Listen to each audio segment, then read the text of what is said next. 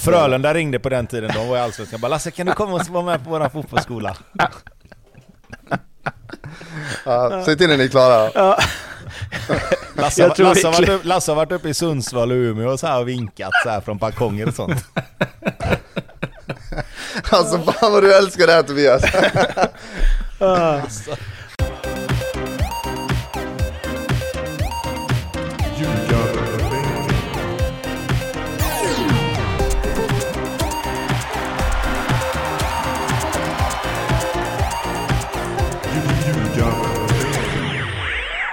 Det här är Ljugarbänken i samarbete med Betsson och vi har tagit eh, landslagsledigt. Lite eh, verkade även eh, landslaget ha gjort det. Um, men jag tror att vi är i godare, mer gott mod än vad de är. Vad har ni gjort eh, när ni inte poddat, Tobbe? Eh, poddat. Ja, just det. Och då, och då fått oss en resa i Bohuslän också. Men eh, ja, det är väl det. Berätta om resan i Bohuslän. Nej, vi var uppe och mötte eh, Oddevold eh, borta. Och fick 4-0 i näsan i andra halvlek. Så att, eh, det var väl sådär. De är ju duktiga i och för sig, de leder ju serien med, med 6 poäng. Så det var inget konstigt att förlora, men det blev väl något mål för mycket kan jag tycka. Eh, det är sådär, man kommer in i halvlek och så står det 0-0 och så tycker man fan det här har vi hyfsad koll på. Och så 10 minuter in i andra halvlek så har de gjort mål på två fasta situationer. Så det var väl sådär. Men skitsamma. Det är kul för dem. Det är kul när det går bra för andra. Ja, säger som Tommy Söderberg. De andra blir glada. Wow. Ja, va, har du eh, gjort några, någon annan glad Lasse? Eh, nej, det kan vi inte påstå att jag har. Eh, jag har gjort mig själv lite gladare. Jag har spelat en del golf, så att eh, det blir man glad av. Eh, och Blomman? En snabbis i Köpenhamn, annars så har det varit business as usual här. Åkte du ner bara för konserten? Mm, exakt. Det, det gjorde jag faktiskt. Och träffade lite gamla polare från skoltiden och så. Vad var det här för konsert? Eh, Blink 182 hade sin resa. Men eh, jag, jag bokade ju den, bokade ju den konserten på Malta, men de spelade i Stockholm dagen efter så hade jag bara haft lite mer kyla så kunde jag ju bara promenera 10 minuter bort istället för att åka till Köpenhamn. Ja, ja, men det fan är det roliga i det då? Nej, exakt. Exakt. Eh, vilken eh, spexig ledig vecka vi haft från podden, får man ändå säga. Eh, Vad har du själv gjort? Jag har också varit på Blink-182, fast i Stockholm. Jag har gjort den lite tråkigare promenaden till Globen. Hade hellre varit i Köpenhamn, ska man säga. Eh, ska vi stöka av eh, gårdagens matcher först då? Eh, Peking-Mjällby, icke-match. Jag kom hem från eh, att spela till innebandy eh, hem till mina föräldrar och eh, då sa pappa den, det var den sämsta skit man sett. Eh, och jag undrade om han hade varit och sett mig på innebandyträningen. Ha, har, du, har du pannband när du spelar innebandy? Ja, sånt där lite tunt. Ja, du har det. Bara för att hålla undan Ja, visst. eh, luggen. Men det sprack! Man vill ju att du har en så här Unihawk, eller vad heter det? En sån, eh, med, Proté. ja, exakt. Ja, De är så jävla goa ju. Jag vill se, jag vill se det Anthony Langa, vad heter det? Sjalen på huvudet. Den vill jag se på dig. Vad är det för något? Är det en sån tub eller? Nej men det är väl typ så här, jag, nu hittar jag inte något bättre ord än sjal. Det är såklart att det inte är en sjal, men det är väl typ, vad är det, en bandana som du liksom inte viker ihop, eller vad ska man kalla det? Exakt, som det blir lite som en cylinder på skallen. Ja, Ja men precis, precis. det känns som det skulle kunna bli varmt. Men Ja. eh, absolut, jag hade sån jag, på den tiden som jag tog springturer då och då. Hade det. Man ser ju inte, man är inte snyggast i spåret. Det är man ju inte annars heller i och för sig. svunna tider Mårten. Verkligen svunna tider. Eh, Peking, eh, Mjällby, 2-0 till Mjällby.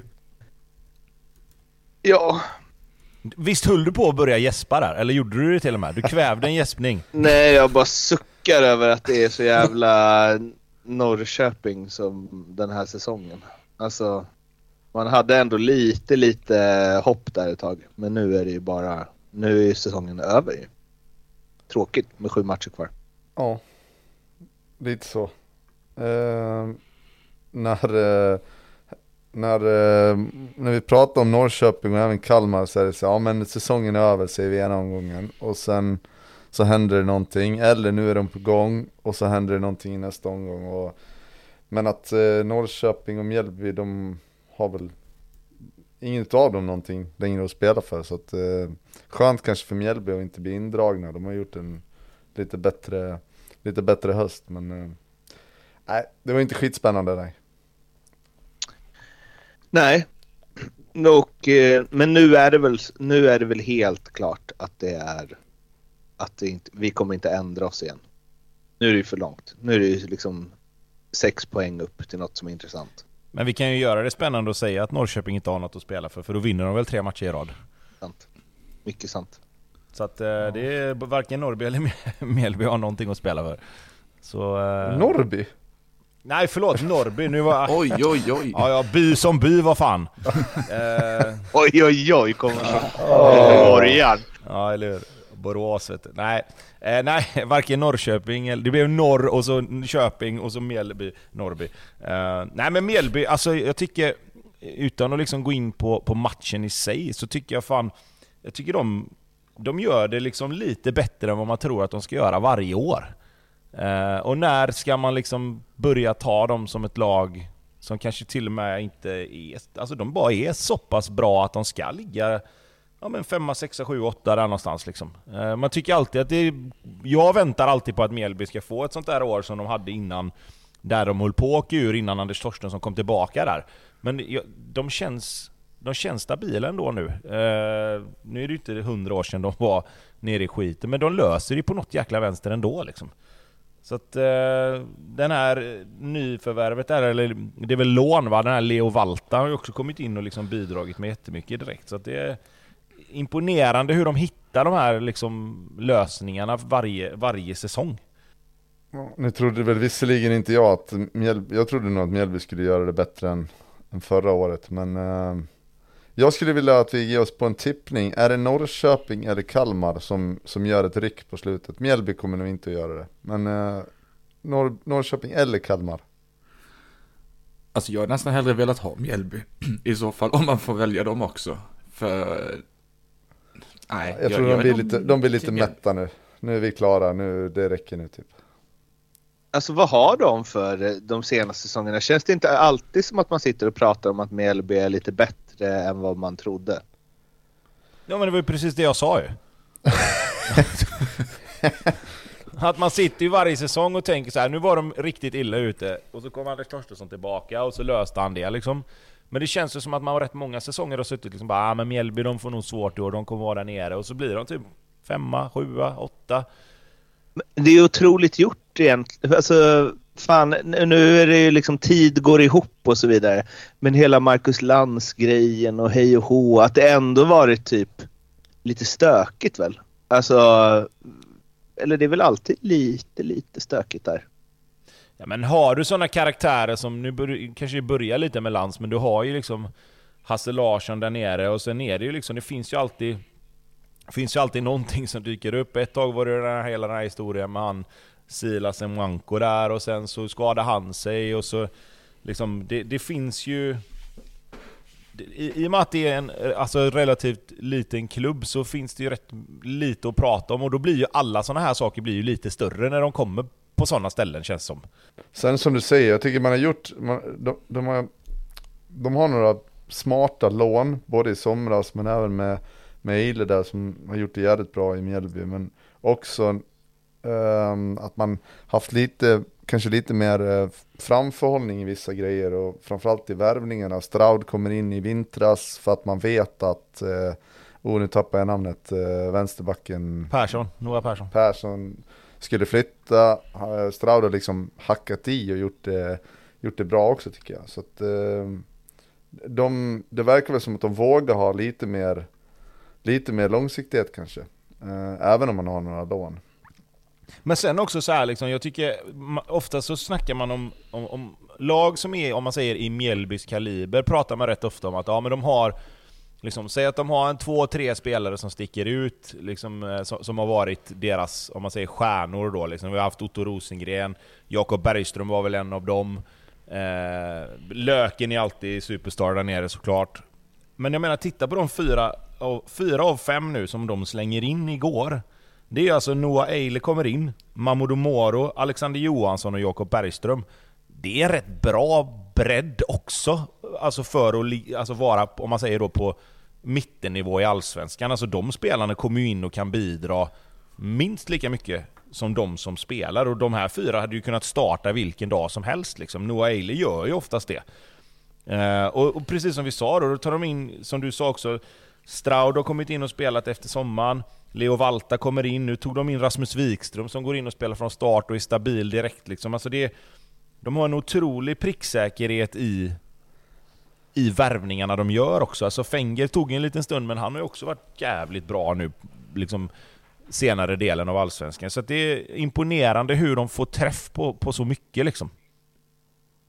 Hur mycket är det att man, att spela där är, är ja jag vet inte. Att det, det, känns som att de, de har en grej som kanske inte så många andra allsvenska lag har. Alltså att de har fått det här lilla och lugn och ro och egna till att bli eh, en styrka typ.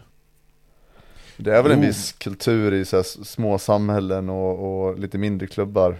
Eh, och det passar kanske inte alla, men det är de ju medvetna om när de tar in spelare också, helt säkert. Eh, sen tror jag för att man ska liksom kunna lyfta lite mer så, så måste man nog, eh, alltså man får inte se sig själv som en underdog hela tiden liksom, utan man måste våga kanske lyfta huvudet lite mer än så. Ja men jag tycker också så liksom att det, det, det är liksom... Det är klart att det, det, är lätt att säga att ja, men det är lite mindre ställe och det är familjärt och det är liksom ingen direkt press kanske så mer än från, från de närmsta där nere. Liksom. Men samtidigt, du, du ska ju fortfarande spela i samma serie. Du möter ju ändå de andra lagen på stora arenor och liksom spelar i, om man säger mot samma lag som alla andra gör och då måste du ha någon sorts grundkvalitet för att kunna lösa det. Sen är det klart att det är en annan press utifrån och från supportrar att spela i de större lagen, absolut. Men jag menar, det är fortfarande... Till slut handlar det vara... om en kvalitet liksom.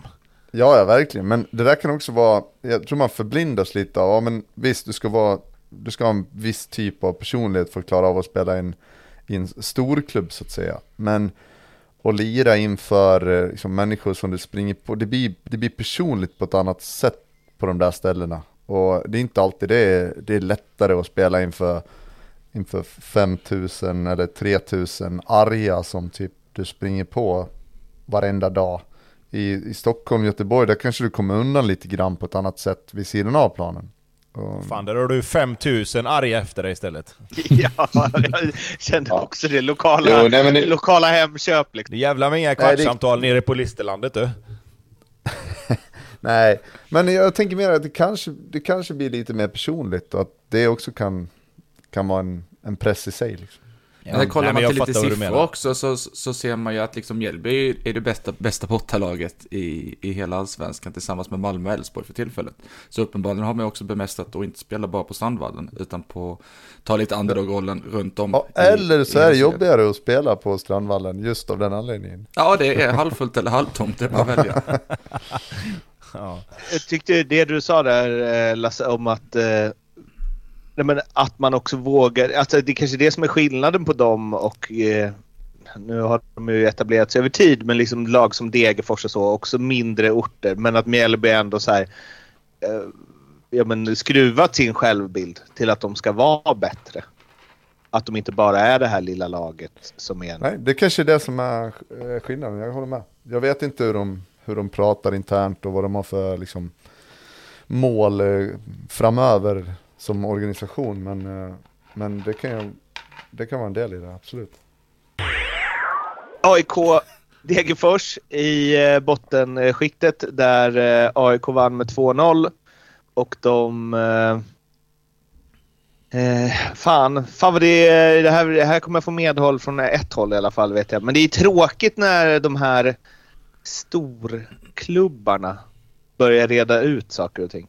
Väl Blomman. I det här fallet så absolut. Eh, det är det ju. Och, och gamla AIK med, med 1-0 på hörna och sen ett självmål. Så fattas ju bara en straff så hade det varit hattrick i AIK-nism. Ja, de skulle väl haft ett en straff också. Ja, mycket möjligt. Eh, men eh, ja, jag, jag fastnar mest vid 2-0 målet. Den hade... Hade den varit ute vid hörnflaggan? Är det nog inkast på den va? Ja, det var nog inkast på den. Det är ju... Alltså jag har, jag har ju sagt att det, det ska inte finnas självmål i de här situationerna. Men, men här är jag, jag är tvungen, jag är tvungen att, att lämna den... Eh, lämna den kullen tänkte jag säga. Här kom, det, här kom din eh, Nina Hurtig. Alltså det här kan nog vara ett av de fulaste mål som gjorts i år. Och, alltså, det, det, han tar bollen, löper och det finns så många alternativ att spela någon till ett friläge. Slänger iväg en vänster tåpaj som är så långt ifrån att träffa mål som det går att göra. Och så, och så är det 2-0 avgjort. Men eh, ja, det är kul för, för, för honom. Det var första, första målet ändå. Även Fast om det där kommer kanske ju inte bli självmål. Ja, ja, 100% men han, det är fortfarande hans mål. Han avgör ju matchen. Så att, eh, Alltså. ja, ja. men jag, kan, jag kan köpa att i statistiken står det som ett mål. självmål. Det brukar man säga när någon dribblar fem pers och sen passar någon till öppet mål. Ja men vi kan ju inte säga Fast att, han, ja, men det, passar ju, han passar ju en gubbe och så blir det upp ett mål ju. Men vadå, vad ska vi säga? Att det är borta Nej, han gör ju det, mål liksom. han gör ju Det det skitbra dessutom fram till skottet. Alltså han tar ju med sig bollen 45 meter eller någonting och gör det skitbra. Sen är det klart att jag tycker väl, när han väl väljer att ta det skottet så tycker jag det är rätt att skjuta. För han är så pass nära mål och det är ingen riktigt som går på han heller. Sen att skottet blir jättedåligt, det är liksom... I, i det här fallet ble, blev ju det dåliga bra. Det blev minus minus blev plus liksom. Så att... Eh, och det var väl första gången på ganska lång tid som AIK hade lite medflyt. Eh, och utan att säga att de förtjänar det så är det nog rätt gött att få ett sånt mål i det läget. För där är ju Alltså- matchen stängd liksom. Det är ju precis vad de behöver. Sen är det ju, alltså det är en otroligt tråkig fotbollsmatch. Det är två ganska dåliga fotbollslag som, och otroligt mycket bolltapp, dåligt passningsspel. Eh, men då gör ju AIK det som man gjorde förut liksom. Då gör man ett mål på hörna och sen en skarv in då liksom. Och, och då, då ser man till att få, få jobbet gjort liksom. Ja. Skott för styrning mot den så slipper du ta Skott, den hockeyreferensen exakt. själv. Men jag vet att vi pratade om detta i vår, eh, i vår WhatsApp-grupp under gårdagen. Men alltså om man ska stå vid stolpen, stå då vid stolpen. Stå inte Fast- en meter utanför mål och fyll precis noll funktion. Fast jag tror att här, alltså när jag säger att han ska ta stolpen, jag tror han har första zon där. Jag tror inte han har stolpen. Jag Nej, tror han har okej, första zonen, men direkt när bollen går över honom så Exakt, måste han ju droppa exakt. ner vid stolpen liksom. Det är Ja. väl mer det som är grejen. Sen om han har blivit tillsagd att göra det eller inte, det tycker inte jag att det ska inte spela någon roll. För jag har haft första zon på hörner nästan hela min karriär tänkte jag säga. För att jag kunde hoppa. Men det var ju det enda man fick med sig. Det var ju att om bollen går över dig så, så ska du ner till stolpen och ställa dig liksom om vi inte har någon där. Nej, för, nej för exakt, för annars så står du en meter utanför målet och fyller precis noll funktion. Nej nej, det, hade ju bara, det, det som hade kunnat toppa upp det hade ju varit om, han hade, om bollen hade varit på väg utanför och han drar en liksom vänster benskydd upp i nättaket där. Vad ska vi säga mer om eh, Gnaget? Ja, då kan vi kommentera Selina lite där, kom in på mitten. Eh, kändes väl som att det fanns rätt mycket fotboll i honom. Sen var Ja. han ju jävligt slarvig dock. Det var många boltar, men det var inte bara på honom. Eh, det är klart att spelar du med lite mindre marginaler, på dessutom en ganska, som det ser ut att vara en ganska dålig fotbollsplan, vilket det ofta är på, på Friends. Eh, så blir du ju extra straffad, men eh, eh, det såg väl i alla fall på något sätt spännande ut med honom. Trots alla bolltapp. Nu är det ju, alltså när man, när man håller på ett lag så är även du, eh, liksom Tobbe, det kommer ju vara att liksom Blåvitt, eh, det kan gå fort åt andra hållet och så vidare. Fast, fast alla andra eh, känner att eh, ah, ja, det här kommer de ju lösa. Eh, och det är, har väl vi i och för sig sagt hela tiden typ, men det känns ju som att AIK också kommer lösa, det känns som att liksom de de förväntade bottenlagen eh, kör bottenlagslir nu. Och sen så kommer både Blåvitt och Gnaget lösa det här. Eller? Är inte det överhängande känslan? Ja men känslan kanske ja. Sen, eh, Älskar när ni svarar Ja. exakt Olika. samtidigt. Samtidigt. ja. ja, bör, börjar någon? Men jag, tycker, jag, jag tycker att AIK såg för bleka ut för att det liksom ska vara att ja, men, vi ska hämta en, en massa poäng på slutet. Liksom. De måste höja sig fortfarande. Nu vinner man mot, mot Degerfors som man måste göra för att det inte ska vara total katastrof. Eh, men det är inte så att de är inte bättre än vad Degerfors är i den här matchen. Inte, inte alls liksom. Så att, eh, nej, de, de, de, måste, de måste steppa upp ett hack till för att det ska bli säker mark. Liksom. Jag tror fortfarande att, att AIK har stor risk att de liksom får kvala i alla fall. För jag, jag tror jag tänker att när man vinner sådana matcher, både Blåvitt och AIK hade ju sådana matcher nu mot lag som ligger eh, nära eller på samma poäng i, ta i tabellen. När man då vinner dem, liksom måste matcherna hemma också, all press på och så.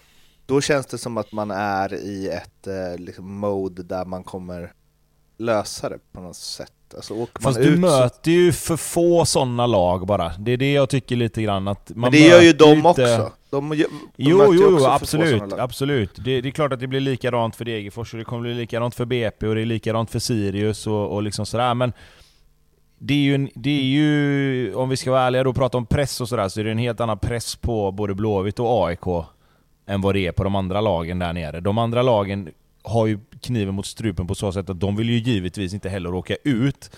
Men det blir ju inte samma katastrof för de lagen om de åker ut som det kommer bli för IFK eller AIK.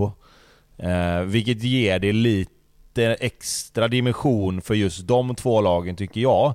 Sen tycker jag det är lite skillnad på, på alla de här lagen, för Degerfors har varit ungefär jämndåliga hela tiden tycker jag. De, de har liksom varit där nere hela tiden och det har liksom varken varit bättre eller sämre. De är liksom inte... Eh, liksom, de, de är där de förtjänar att vara på något sätt. Blåvitt har ju varit riktigt, riktigt under isen fullständigt under en lång del av säsongen. Nu har de liksom tagit 17 poäng på de senaste åtta matcherna, vilket är helt otroligt egentligen. Och ändå ligger man bara tre poäng ovanför kval. Jag menar, säg att Blåvitt hade haft normal utdelning utefter hur resten av säsongen hade sett ut. Då hade de varit rökta nu. Alltså de hade ju varit fullständigt... De hade legat på typ så här 16-17 poäng. Eh, och det är därför jag menar, liksom, nu visst, nu har Blåvitt hittat någon sorts form och liksom kan, kan rida på den. AIK har ju egentligen inte gjort det. Det här är bara en match. Blåvitt kan vi inte säga så om längre, för nu har de fem segrar på de åtta sista. Ja, jag tycker också, Så jag håller med om det. Jag tycker det är en skillnad Där, där är det lite skillnad nu tycker jag. Det är samma lite grann. Sirius, om jag ska vara helt ärlig, de är där BP var för några veckor sedan, fast från andra hållet. Jag tycker Sirius är lite för bra för att åka ur. Alltså inte för att de är liksom fantastiska på något sätt, men om jag tittar på de lagen som är där nere, jag tycker Sirius just nu är bättre än vad BP är. Jag tycker Sirius är bättre än vad AIK är, jag tycker Sirius är bättre än vad Degerfors är. Sen är poängen som de är liksom, och det kommer du aldrig komma ifrån. Men, men, men liksom, jag, för mig blir det Degerfors och BP som ligger mest illa till. AIK tror jag löser det på grund av att det är just AIK. Alltså jag tror ändå de gör det. Det blir ju oftast så. När du ändå var inne på Sirius då, eh, Tobbe, så eh, 7-0 mot Varberg och nu har du redan gjort en liten minihyllning av eh, hur Sirius ryckte upp sig, så jag tänker att vi kanske skiftar fokus här till eh, motståndarnas insats som ju blir ehm, Ja, alltså när det är sju omgångar kvar och spelare i de lagen som är nere i eh, bottenstriden börjar få frågor från journalister eh, om vad de tycker om ett lags prestationer mot deras konkurrenter. Då känns det som att det är riktigt, riktigt eh, illa. Vad du Alltså- menar att man frågar andra lag vad de tycker om Varbergs insats? Ja, precis. Ja, men det är väl inte de är- jättekonstigt heller. De har, Nej, de har ju nej. skickat iväg alla sina bra spelare. Denna matchen har de de, hade de dessutom eh, Krasniqi och Lushaku som är de, de enda spelarna som överhuvudtaget kan göra någonting framåt. Eh, var ju inte med. Eh, Joakim Linde Nej, nej, jag menar inte att det är konstigt. Jag menar att det är liksom, det är väl det största underbetyget lag kan få typ. Ja, då skulle jag nog säga att förlora med 7-0 är värre. Men ja, det var ju det de ja, gjorde. Men när man, alltså för det blir ju det man, det man på något sätt liksom initierar i det är ju så att de gör inte sitt bästa. Jo, jag tror att de gjorde sitt bästa, men i den här matchen så har de inte det laget som du, Om du tittar på deras laguppställning i den här matchen så är ju inte det något allsvenskt lag. Alltså det är ju knappt ett allsvenskt lag. Spelar, det spelar ingen roll Tobias, det får ju, där, i det här fallet det får ju finnas lite, lite yrkesstolthet i det liksom. Du kan inte åka och, och torska 7-0 i allsvenskan, det ska inte få Mot hända. Sirius! Nej, men nej, Alltså, nej, jag säger ingenting om det, men jag, bara, jag, bara, jag, jag kan bara försvara det med att de har ju för fan monterat ner hela, hela den där truppen under hela hösten. Liksom. De har ju skickat varenda Ja. spelare med, som hade lite kvalitet. Nu var det tre spelare till som inte var med i just den här matchen, som också har lite kvalitet. Men så jävla många spelare har de ju inte. Det där är ju ett superettan, alltså det, det är ju liksom ett bottenlag i superettan som är ute på den plan mot Sirius igår. Eller i förrgår. Vad blir det? Lördags. Så jag, alltså, jag säger, visst, man ska inte förlora med 7-0 ändå. Jag hade varit vansinnig om vi med Tvååker hade förlorat med 7-0. Men jag kan förstå att det blir så här: vad fan händer nu liksom? Nu är det fem spelare som är sålda, nu är det tre stycken som är borta, och så släpper man in tre mål på 20 minuter. Typ. Det är klart, det, alltså till slut så blir det så här liksom att det är inte så att de ger upp, och det är inte så att de vill förlora med 7-0. Men jag kan också lite grann, alltså jag kan tycka lite synd om spelarna i Varberg när det blir som det blir. Alltså jag fattar, det är inte kul att åka dit, det är inte kul att liksom få stryk med 7-0. Många av de där spelarna har inte gjort sådär jättemånga allsvenska matcher kanske. Men jag kan också vända på det och bara känna så här, fan, det, jag, tycker, jag tycker synd om de som är kvar där liksom. De liksom, jag menar, det var inte länge sedan Varberg gick ut med gick ut med liksom ett, ett utskick i, i tidningar och sådär att de skulle aldrig ge upp och vi ska köra in i slutet och det är liksom så här, och det är väl jättefint liksom. Och det är väl jättebra, men allting de gör tyder ju på precis tvärtom. Och då blir jag så här. Jag fattar att man ser om sin ekonomi nu. Man, man gör sig av med de spelarna som ändå inte kommer spela Superettan för att få lite betalt. Så egentligen så kan jag inte säga att de har gjort något fel.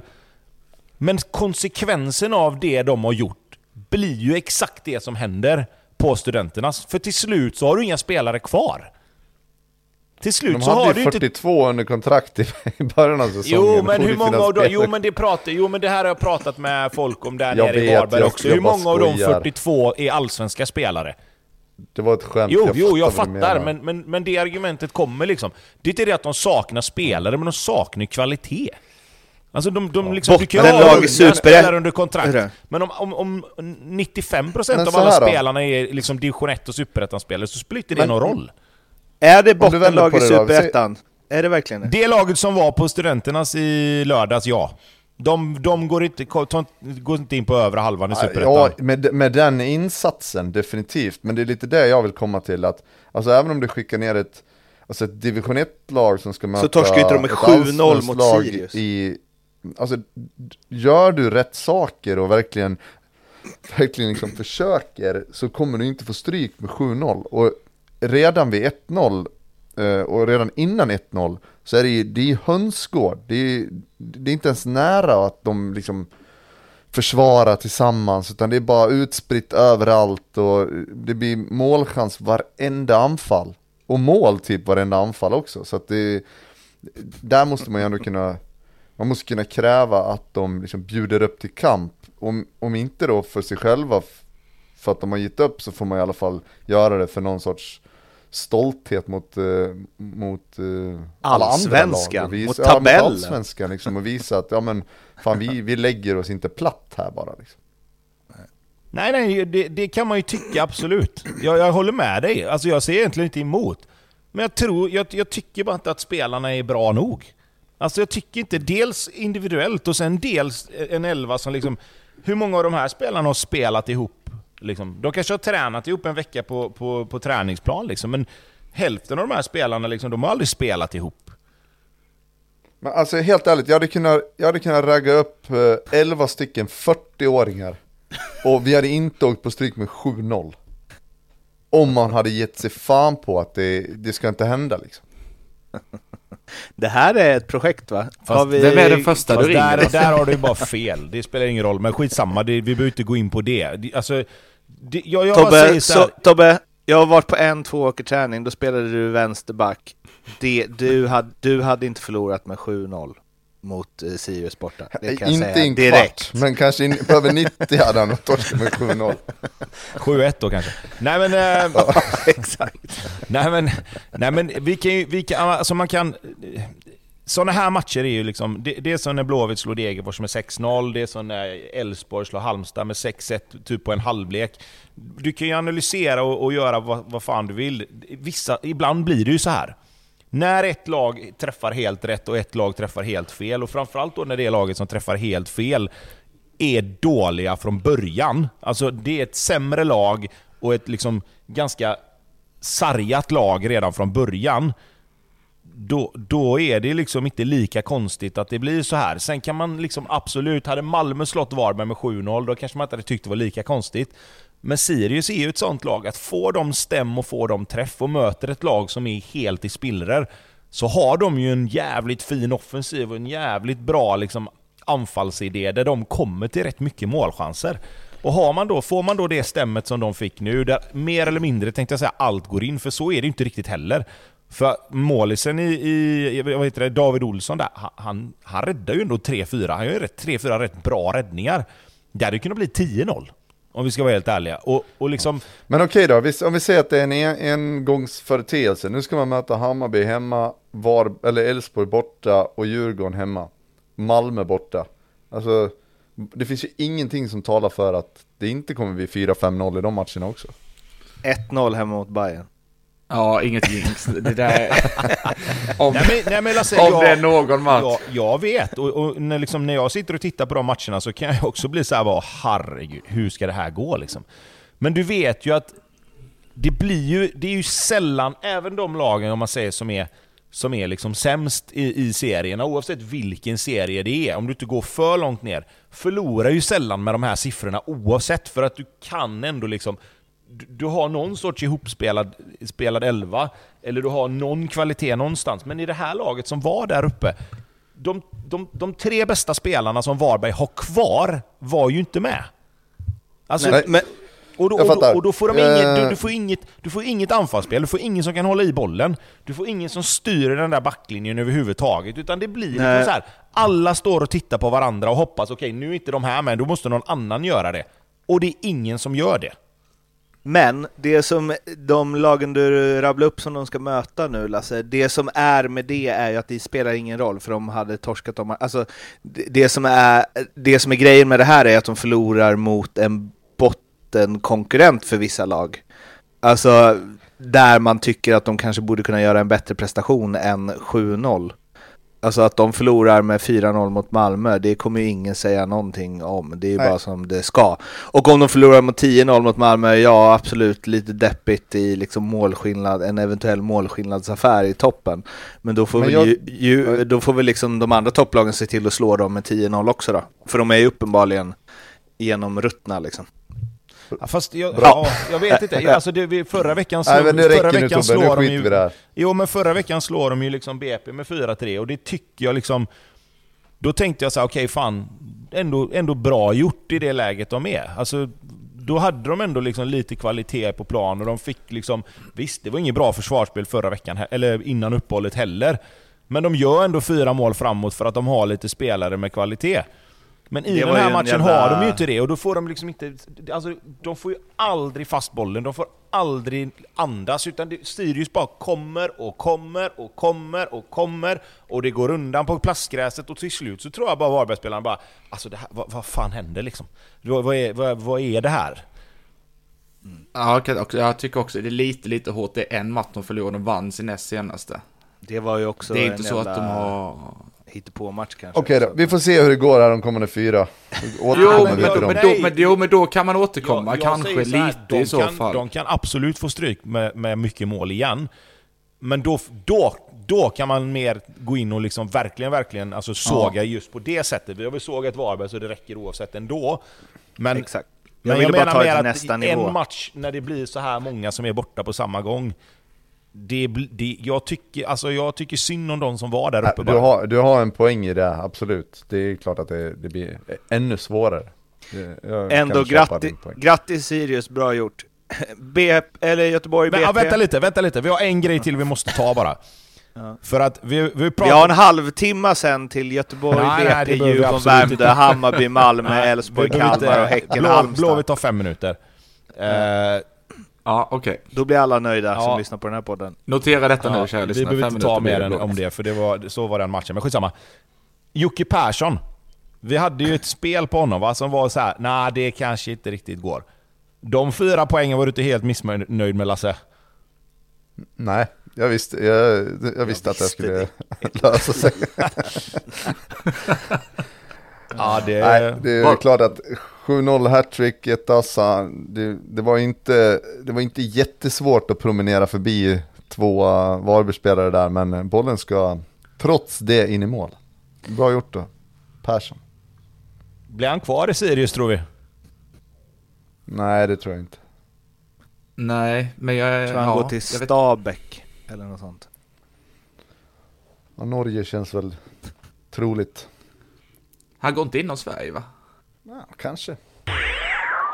Göteborg BP 1-0 eh, på en eh, straff som eh, tas på ett sätt som man kan dra stora växlar av om man vill. Bara det i fem minuter. Så nu ska Tobbe dra stora växlar av det. Av straffen menar du? Nej, jag tänker att eh, det är sällan man ser en spelare göra sådär i ett lag som har noll flyt just nu, eller noll självförtroende. Fast det är Fast ju inte riktigt sett eller? Ja, och det, Blåvitt borde väl för fan ha självförtroende om någonting. De har ju vunnit fyra av de sex senaste innan, fyra av de sju senaste innan här. Ja, det är det jag menar. Det är ett annat. Nu, alltså, den där straffen hade inte slagits för eh, åtta matcher sedan. Nej, Nej så men är det, det gjorde den ju inte heller, eller vad? Annat. Nej, men det är det jag menar, att det finns någon så signal i det. Att bara, ja, nu, nu rullar det på här. Det här är lugnt. Det kommer gå bra. Ja, alltså, nej, men ja, just den spelaren i sig eh, tror jag han har nog aldrig tvivlat. För maken till självförtroende och, eh, och hybris, det vet du fan om jag har sett alltså. Sen är väl den hybrisen välförtjänt just nu. Eh, kommit in och gjort sex mål på, på de matcherna han har varit med liksom, och varit helt fantastisk även i spelet. Så att det, det, det är väl fine. Sen kan jag väl tycka, och det är ju lätt att säga med facit i hand, men man hade ju kunnat räkna ut med röven att han skulle chippa ju. Med tanke på hur han har uppträtt under de här matcherna som har varit nu de senaste. Det, är det någon spelare i, i Blåvitt som går fram och chippar en sån straff så är det ju han ju. Men det ska göras också? Ja, det ska det. Absolut. Vi hade en teori där om att eh, Sidklev, just för att han eh, orsakade straffen, eller egentligen är det ju Kevin Ackermans fel. Men det blir ju ändå målvakten som någonstans tar det sista beslutet och river ner han. Att han är så jävla övertänd på att rädda, rädda upp sitt misstag, att han går ju stenhårt i ett hörn. Eh, att hade det varit en lite mer erfaren målvakt där som hade lite mer koll på vem det är som kommer fram och skjuter så kanske man ändå hade förväntat sig att den stått kvar lite längre. Men eh, som sagt, det blir mycket spekulationer och med facit i hand. Eh, Blåvitt vinner, tycker jag till slut ändå välförtjänt. BP riktigt bleka. Saknade Leach Holm, eh, saknade Oskar Pettersson även om han kom in eh, i slutet. Eh, och jag tycker inte de spelarna som var på plan eh, gjorde något större väsen av sig. BP har en målchans egentligen på hela matchen som är en riktigt bra. Eh, det är ju Timossi Andersson som får en, en, ett överlångt inlägg som Dahlberg kommer ut och, och, står i vägen på. Utöver det är det inget speciellt från BP. Eh, Blåvitt har väl egentligen inte super eh, anfallsspel heller, men ändå lite mer. De får straffen, de vinner bollen högt några gånger i början av matchen. Carlén kliver fram, Tordartsson kliver fram, eh, en boll i stolpen, Carlén har en nick, Oskar Wendt tar ett skott eh, som Sidklev gör en bra räddning på. Så att... Eh, nej, det, jag, jag, tycker ändå det var rättvist till slut. Jag tycker inte för att Blåvitt var jättebra, utan mer för att BP var bleka och nu är ju BP också inblandade i den här absoluta bottenstriden, vilket eh, det var någon som såg komma tror jag. Ja. Men jag, jag tänker på när, när de får straffen där. Ska det vara straff med tanke på att det är två bollar på planen och rätt rejält två bollar på planen? Ja, men om inte han blåser av ja. innan Sidklev sätter igång bollen så kan han ju inte gärna sky alltså, Han kan inte gärna blåsa av bollen när han märker att Ackerman spelar bollen fel liksom. Eh, Sen regelmä visst- regelmässigt visst det absolut. vara avblåst, ja va? det kan det säkert vara om man ska liksom tolka regelboken maniskt liksom. Men, men jag menar... Va, alltså- Var ligger den här bollen? Jag fattar aldrig det. Ja, det kommer ju typ från om det är, det kommer från kortsidan. Om det är över eller under det vet jag inte, men det studsar in, alltså Undrar rätt om, så tydligt. undrar om Ackerman tänkte på den och tappade fokus. Nej. Att det är enda förklaringen till det bedrövliga beslutet. Ja, typ så. Nej, men det, Om det inte annat så kommer han ju göra om det nu när han har lyssnat på det här. Åh, Ja. där har vi en bra ursäkt. Det var det som hände. Just det, det var ju så det var. Ja, men alltså det, när man är där då, okej, nu det är en tyngre period för BP. Eh, Blåvitt borta. Eh, man får, de får inte bjuda på de där grejerna. Okej, vi gör en dålig bortamatch, åker därifrån med 0-0. Inga problem. Men, men att ge bort återigen ett sånt där mål precis utanför eget straffområde, det har, du- du har inte råd med det. det. Då blir du indragen i skiten. Nu tror jag visserligen att att de reder ut det ändå. De kommer ju garanti slå Norrköping i nästa omgång och så blir det lite lugn och ro igen. Men jag tror också så här, alltså BP, inte nog med att de bjuder på målet, de bjuder på målet i en, i en period där Blåvitt är rätt dåliga. Alltså matchbilden var inte, var inte gynnsam för Blåvitt där, för att de hade inte alls koll, alltså de, eller koll hade de, men BP hade bollen och det var lite så här matchen höll på att svänga över till BP's favör lite grann, utan att för dem för den sakens skull skapa några liksom, målchanser, så var det ändå ingen, ingen matchbild som var hållbar för Blåvitt. Och så får de det målet, får energin, Selmani får lite energi, eh, och publiken kommer med på tåget igen liksom, för det kändes som att det började gnisslas lite, lite grann runt, runt tidpunkten för den där straffen liksom. Så att dålig timing eh, på, eh, på allting där för BP tycker jag. Fan vad konstigt det känns när liksom eh, Blåvitt-matcherna blir en eh, utvärdering av dem de mötte. Jag vet inte. Eh, k- känner besvikelsen, alla som har suttit och väntat här, att du ska liksom ranta loss. om, eh, Ja, men det, är- alltså, vissa matcher finns liksom inte så mycket mer att säga. Alltså, det är en ganska, ganska slätstruken insats från dels Blåvitt, men de vinner ju ändå matchen och kommer därifrån liksom och kommit ikapp BP, tre nya poäng in på kontot. Var det fjärde raka hemmasegern liksom? Det, Alltså, om det hade varit exakt en likadan match, fast BP hade vunnit med 1-0. då hade det varit en, då hade det varit en halvtimme. att säga. Då hade det varit en halvtimme. Ja, nu är det så bara, ah, det är lugnt. Ja. Det är lugnt. Är men bara alltså- Men tre, Tobbe, blir det det är bara tre poäng in på kontot. Det har du fan inte sagt under hela säsongen. Nej, men det har inte riktigt funnits läge att göra det heller. För att de tre poängen har inneburit att de har hängt med de lagen som har legat ovanför strecket fram tills det var liksom tio omgångar kvar eller något. Eh, nu... Jag tycker den går att jämföra lite grann med, med AIKs match. Liksom. Hade, hade man fått stryk med 1-0 mot, mot Deget hemma, ja det är klart att då, då hade det varit total katastrof. Men om du vinner di, dina hemmamatcher, ja, i det läget som båda de lagen är i, så det spelar ju mindre roll kanske hur det ser ut. Det är tre pinnar in på kontot. Ja, och alltså AIK... Blåvitt har ju ändå gett sig själva... Alltså... Det hade inte varit lika mycket katastrof för Blåvitt på ett sätt, samtidigt som du måste ju vinna de matcherna givetvis. Men jag menar AIK, hade de förlorat mot Degerfors så hade det nästan varit som den matchen Blåvitt förlorade mot Varberg. Då hade man ju så här: nu är det kört. Nu, det finns liksom inget hopp kvar, för det var ju den känslan man hade då.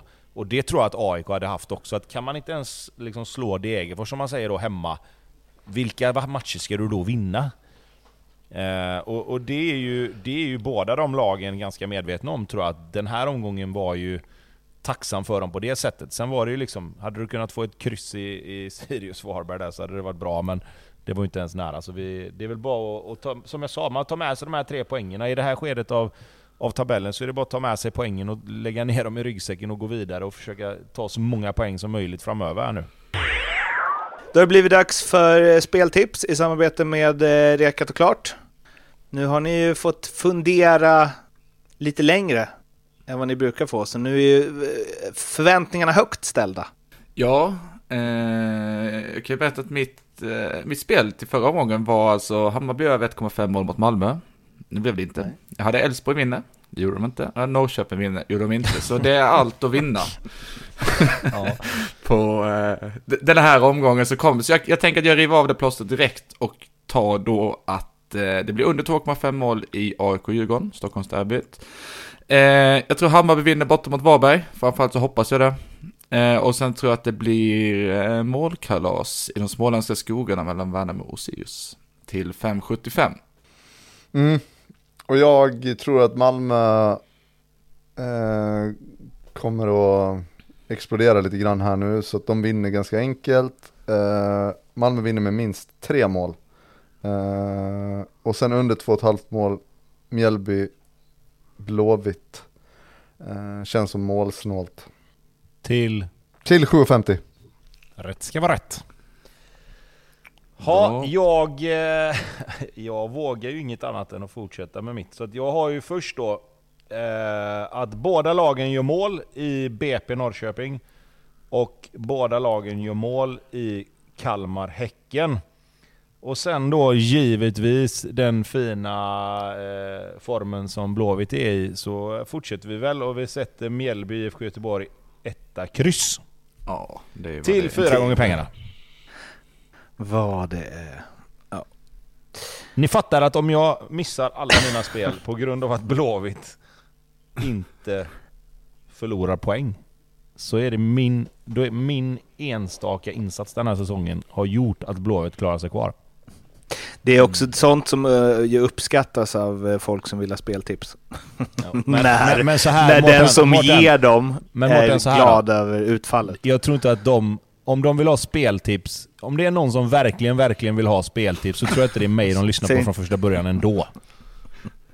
Och nu... Framförallt så känner de ju inte att de andra två val i den trippen var så jävla bra så att, ja, trist att han la till Nej precis. Och är det nu så att de tycker det, så ta bort den sista då.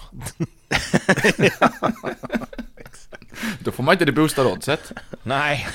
Men eftersom den aldrig sitter Det finns en ändå så- anledning till att oddset är boostat också. Ja, jinx Ja, de här-. De här spelen finns i alla fall hos Betsson, eh, godbitar, ljugarbänken. Kom ihåg, spela ansvarsfullt. Du måste vara minst 18 år för att spela och behöver du hjälp eller stöd, då finns stödlinjen.se. Eh, Djurgården-Värnamo och en riktig eh, så kallad plump i protokollet för eh, Diffie. Jätteplump till och med. Megaplump. Men det är väl lag som har åkt på plumpar mot Värnamo på Tele2 förut. Eh, ja, så kan det vara.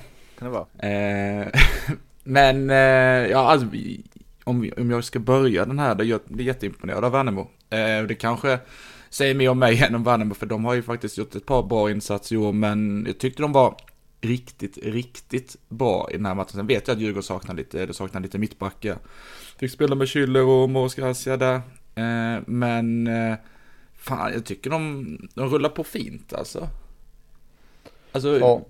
spelar inte alls som man tänker instinktivt att Värnamo ska göra. Man tänker att Värnamo ska, jag vet inte, ligga mer på kontring och lite som, alltså de rullar ju ut Djurgården stundtals i sina anfallsförsök. Men så tycker jag det sett ut i ganska många matcher. Problemet är väl att har man inte haft någon som har varit het där framme riktigt så tar de inte vara på de har varit kalla sista tredjedelen och inte riktigt skrapat fram de här heta chanserna. Nu har ju både, alltså Ademi har ju varit suverän de senaste omgångarna. Mm. Eh, och nu gör dessutom Selkovic mål. Eh, så det, det, är ju, eh, den såg man inte riktigt komma. Men ja, det är väl vad ett mål kan göra för en spelare. Eh, och nu smäller han dit sådana där mål som han gjorde i Superettan var och varannan omgång. Så att, det krävs ju ganska lite för en anfallare att hitta lite, lite självförtroende och det är väl precis det som krävs för, för Värnamo. För det där grundspelet, det tycker jag man har och man, man ser liksom väldigt stabila ut i, i många delar i spelet men, men har varit, inte varit giftiga. Men alltså jag tror, alltså det, som du säger Lasse, skillnaden i den här matchen är ju egentligen inte sista tredjedelen heller för att där är, de, där är de ju också ibland, men jag tycker framförallt så är det ju liksom Selkovic gör ju två mål Visserligen i sista tredjedelen, men det är fortfarande två individuella prestationer mer än att de spelar sig fram till ett superläge liksom. Alltså Ademi trollar på kanten och springer förbi lite spelare, lägger den till Selkovic, men därifrån är det fortfarande rätt mycket att göra. Framförallt när det har sett ut som det har gjort innan den här säsongen, där han har liksom spritt bollar både till höger och vänster. Och andra målet, där är ju Värnamo, om man säger, det har vi sett Värnamo göra förut. Knacka sig loss och komma med rättvända mittfältare och i liksom omställningslägen där man kommer tre mot tre och fyra mot tre. Men sen har det inte blivit så mycket mer. Och, och, där är det ju återigen nu, även där, på andra målet, är det ju individuell prestation. Att han liksom väljer att ta första skottet som då är bra, men inte tillräckligt bra för att bli mål direkt. Sen är det lite flyt att bollen kommer ut till honom igen, men sen trycker han ju upp den i nättaket bara på ett sätt som man inte har sett honom göra innan under säsongen. Och det, för mig blir det mer än in, två individuella prestationer. Alltså visst att det finns individuella prestationer och ett, en speluppbyggnad och en spelfilosofi i uppbyggnaden till, när bollen kommer till Selkovic. Men där är ju skillnaden, precis som du säger, att där är ju kvaliteten annan just i den här matchen. De har ju haft anfall där de har knackat sig ner och liksom spelat ner i inre korridoren och tillbaka och inlägg och haft jättelägen där inte kvaliteten har varit lika bra. Nej, men det var, var det, inte, det var väl det jag sa? Ja, ja, ja, ja jag, skulle bara fylla, jag ville bara fylla på ja. det liksom, att vi pratar om att Värnamo är så bra. Det har, precis som du sa också, det har de varit och den individuella kvaliteten är i sista tredjedelen, precis som du sa. Bara, bara förstärka det. Ja, men sen, eh, ja, sen kan man också tillägga att Rashid gör ju några superräddningar och, och Djurgården har ju verkligen chansen att vinna den här matchen, men tar den inte. Uh, så det är så avgörande lägen både i både egen och eh, egen box och Djurgårdens, eh, Djurgårdens box som, som gör att de till slut vinner den här matchen. Men det, det är några helt hysteriska missar. Det är väl eh, Gurbanli va? Både på en nick visserligen superbra räddning, det får man väl ge honom. Um, men, men också andra, något typ öppet det? mål. Uh, det är klart att gör du inte mål på de lägena då blir det svårt att vinna matchen. Men okej, okay, alltså. men ja, ja, då, då kommer vi till det här liksom. För jag läste någonstans på ah, vad är det för värvning? Han, liksom, han kan inte göra mål ens där och bla bla bla. Liksom. och jag, liksom, det förstår jag att det blir första reaktionen, men jag menar där, just det läget. Det spelar ju ingen roll om han hade spelat i Azerbajdzjan, eller om han hade spelat i Premier League, eller om han hade spelat i Allsvenskan, så gör man ju mål där. Oavsett. Alltså det gör ju... Du hade kunnat skicka in egentligen vilken division 3-spelare som helst. Om han får det läget, inte, nu ska man ta sig dit och hela den faderullan liksom. Men just själva det avslutet, det, gör, det kan ju vem som helst göra mål på. Det har ju ingenting med hans kvalitet som fotbollsspelare att göra, utan det där är ju bara en riktig jävla miss. Sen tycker jag att... Jag, jag tycker han visar för lite för vad man trodde att han skulle komma in med. Jag tror säkert det finns en anpassningsperiod där som måste tas i, alltså han måste ta sig igenom den och liksom anpassa sig dels kanske till om man säger konstgräset, utan att veta, kanske inte jättemycket konstgräs i Azerbajdzjan. Eh, men jag, jag, tror liksom, jag hade ändå förväntat mig lite mer, lite tidigare. Eh, och jag vet inte vad ni säger om det, men, men jag, jag tycker liksom återigen så får Djurgården lite problem med sin nummer nio liksom. Men en liten explosion till nästa säsong är väl inte helt omöjligt? Nej, jag säger det. Jag tror att när anpassningstiden är liksom, men jag tror att han behöver den. Men, men ja. även med den så hade jag förväntat mig lite mer. Alltså när man, ja. när man hörde om vad det var för typ av spelare, så tänkte jag att okej, okay, han kanske inte gör 10 mål nu på hösten, men han kommer vara inblandad i spelet och han kommer göra mycket bra grejer. Men jag, jag hade förväntat mig lite mer. Ja. Man hade ju velat sett den där nickchansen, liksom bara knacka ner den i bortre som den nia han ska vara liksom. Så, så har man... Eh, då, då är det ju färdigt där istället liksom. Jag har svårt att se att Värnamo ska vända på det, men ja. Tern eh, versus Findell. Jag gjorde en liten, jag såg eh, något i förbifarten eh, om det, så jag gjorde en liten googling på det nu och gick igenom alla Aftonbladets artiklar från senaste omgången. Hitta ingenting om det. Okej. Då har det inte hänt. Jag bara, sprang, jag bara sprang på det på Twitter. Jag tyckte det var lite roligt. Simon Tern skrev att eh, Findell tyckte jag skulle hitta tillbaka till Twitter. Så här är jag. Tack för idag. Skrev han då efter matchen. det är så typiskt Simon Tern. Då, De hade lite tjabbigt va? Det hade de, eh, hade, de var väl i någon situation när han spelade i Blåvitt också va? Det måste ha varit förra säsongen. De brakade ihop Ja. vid eh, avbytarbänken där. Känns som... Eh, Ja, de kanske inte är superbra buddies, men eh, Simon Tern är inte sen on-brand Simon Tern i alla fall. på... Ja, han gillar att retas. Ja, Vilket- och det gillar man ju. Det, det gillar man verkligen. Det är lite synd att han spelar i ett sånt eh, lag bara. Alltså, ja. hade, hade i, man vill ha det där i liksom, gärna från, jag vet inte, om han hade spelat i typ Bayern nu så känns det som att han hade kunnat slängt ut någon liten syrlig till eh, AIK eller så då och då. Men men, det är väl bra att någon eh, eldar på intresset eh, där också. Eh, Kim Hellberg, eh, verkar, de verkar ha räknat bort honom i Värnamo, att han ska vara kvar nästa säsong. Eh, och i samband med det då så skrev ju Disco i eh, Sportbladet att han eh, hade varit perfekt för eh, Djurgården. Om jag nu ska fråga några som vars eh, fotbollskunskap jag litar lite mer på än Discos, vad tycker ni? Känns som en bra på den, match. eller? Sådär eh, på rak arm. Kim mot Kim. Ja, alltså... jag vet egentligen inte vad jag grundar det på, men... eh, Jag hörde det. Inte heller så bara, ja, det funkar nog. Ja, nej men alltså en bra, alltså bra, bra tränare liksom är, alltså det såg man ju om inte annat när, när Brännström hamnade i AIK. Det är inte alltid det funkar liksom. Det trodde man ju också skulle bli succé, framförallt jag trodde ju att det skulle bli skitbra. Eh, så att det, det är väl liknande, det är liknande flytt nu liksom. Alltså det handlar ju verkligen, verkligen om att välja rätt. Eh, ja, Är det inte Hammarby han ska till då? Ja, jag var lite inne på, jag var lite inne på, på Hammarby Känns med faktiskt, att det hade kunnat vara intressant också eh, utifrån det. Sen vet inte jag liksom, jag tror att just för nästa säsong, jag, jag tycker Hammarby har ett intressant, eh, alltså intressant material som skulle kunna, om man säger om man har varit Kim Hellberg hade det varit intressant att få jobba med liksom. Eh, Han vet ju hur man vinner där också. Vad sa du? Han vet ju hur man vinner på Tele2 också. Ja, fast då spelar, fördel, då, spelar andra, då spelar andra sidan ingen roll om man är Djurgården eller Hammarby va? Nej, nej, nej, nej, nej. Jag menar att det är en fördel, alltså att båda borde rycka igen. Ja, ja men absolut. va- Nej men det, jag tror, alltså...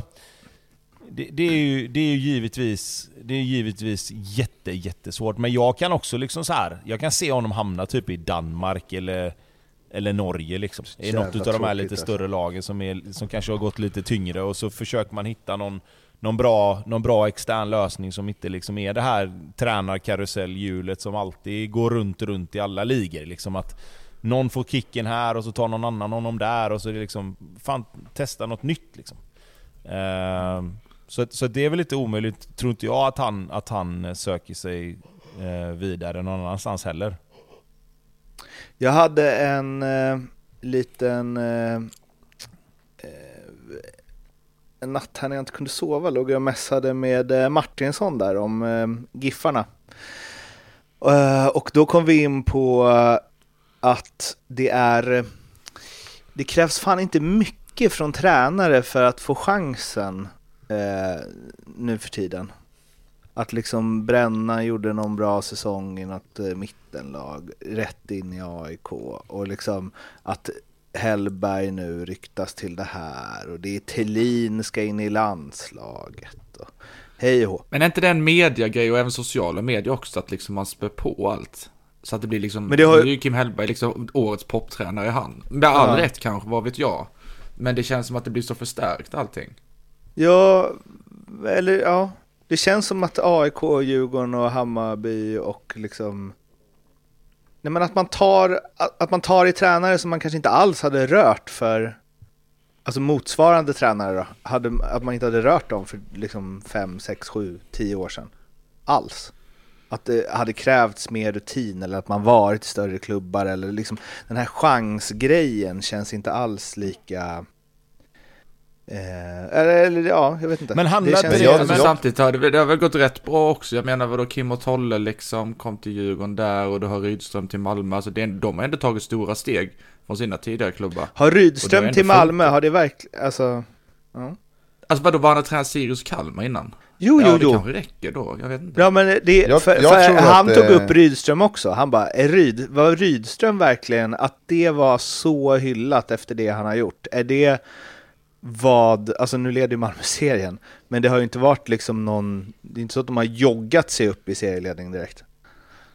Men jag tror att klubbarna försöker vara lite mer noggranna med de ja, senaste 10-15 år sedan, mm, åren med, med liksom vilken typ av tränare, vilken typ av personlighet vill vi ha hit. Eh, för 20 år sedan då var det så här, ja men han är ledig, han har tränat ett annat allsvenskt lag, han tar vi. Eh, lite mer åt det hållet. Nu är det ju inte, inte säkert det blir mer rätt nu än vad det blev förr, men, men det känns mer genomtänkt att det ska vara en både en, alltså en tränarfilosofi och en personlighet som ska passa in lite mer. Men jag tror, där, där det sista du sa där Lasse, tror jag är mer, där tror jag mer du är, slår huvudet på spiken. För jag tror mer det handlar om att många klubbar liksom vill ha ett, de- de vill ju liksom köpa in ett sätt att spela på. Alltså jag tror det var det som var med, med brännan till AIK med, att de har sett någonting i hans sätt att leda lag och, och hur hans lag har spelat liksom. Det vill vi ha till oss. Eh, lite mer som du sa förr, liksom att förr kunde det vara så här liksom att ja, men, eh, vi spelade 4-4-2 med, med Blåvitt under många år. Liksom, och så här. Nu, vill vi, eh, nu vill vi ta in den här tränaren och så får han göra som han vill. Nu känns det mer som att det är så här, okej, vi vill ha det här. Vilka tränare finns det som kan göra det här? Och sen är det också så här. Mycket är ju nu också det här nya, liksom. alla de här nya tränarna som kommer upp. Nu inser jag att jag själv är liksom på väg dit utan att överhuvudtaget ha gjort någonting mer än att varit assisterande tränare. Men om jag sen väljer att liksom, okej men nu vill jag satsa på detta, nu vill jag försöka ta mig upp. Så blir jag också en av de här nya tränarna. Men jag tror att med det menar jag liksom det här att det ska vara liksom bollinnehav, det ska vara liksom eh, ja, men Rydström, Kim Hellberg, det ska vara Värnamo, liksom Kalmar, Niklas Jensen, det ska vara Rydström, det ska vara Brännan, det ska alltså det är liksom det som är inne nu. Alltså, det är ingen svinbra jobbannons du slänger ut för dig själv. hörru. Du bara, det ska vara bollinnehav, det ska vara brännan. Jo men, men det är ju så, jo men om du förstår mig rätt, alltså, nu Ja, är det ju det som gäller. Jag menar, det, det var ju som, alltså, titta på världsfotbollen. Ett tag så var det Barcelona, tiki-taka, då skulle alla spela så. Sen var det Dortmund och Bayern München, men det här liksom bara fart, fart, fart, omställningar. Liverpool tog över det. Nu går det ju mer mot, okej, hur, hur spelar City? Liksom, City är ledande nu, nu ska vi spela. Nu går det tillbaka till det här med bollinnehav och, och liksom, det är ju det som är, alltså trenderna väljer ju tränarna på något sätt. Alltså, det är ju det som jag menar mer att därför så blir det att man tar de här tränarna. Det är ju därför Kim Hellberg är intressant nu och, och att många vill ha honom. Det var därför Malmö tog Rydström. För att det är ju det man vill ha nu. Det är det man ska ha nu liksom. Och, och jag tror att det är, mer, det är mer det som gör att klubbar väljer tränare än att liksom kanske det här att ja, men han har tränat allsvenska lag tidigare. Jag, jag, det, som Lasse sa, liksom, jag tror det var mer viktigt förr. Bayern Malmö, monsteroffensiven som Rydström och Ponna hade kommit överens om. Sköljde över er Blomman. Ja, eller gjorde den det? Eh, ja, man blev rätt glad faktiskt när man såg elvan. Det tisslades och tasslades lite om vad, vad Malmö skulle ha tillgängligt och lite så.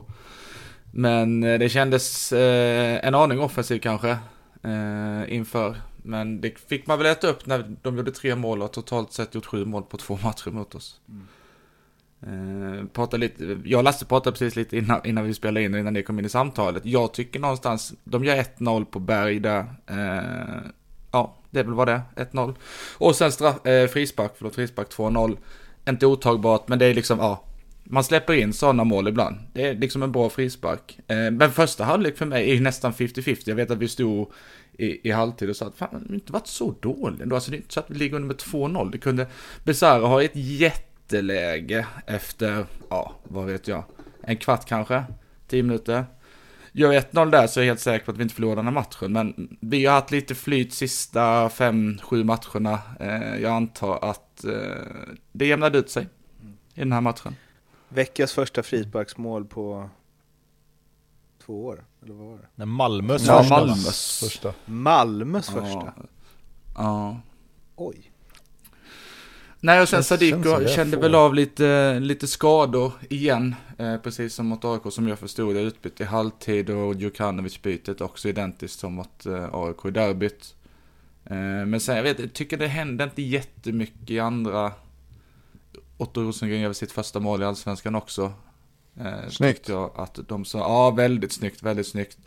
Och sen gör Djukanovic ett, vad man nu kan, kan man kalla det för ett Djukanovic-mål eller? Det kan man väl Det är ett definitivt helt göra. sjukt avslut igen. Helt sjukt. Ja, Men hur länge ska man hålla honom ju- utanför elvan liksom? Ja, Alltså, men- nej men jag tänkte väl komma till det också. Det, vi var inne på det, var det efter AIK-matchen? Eh, Mm. Vi var inne på det, alltså.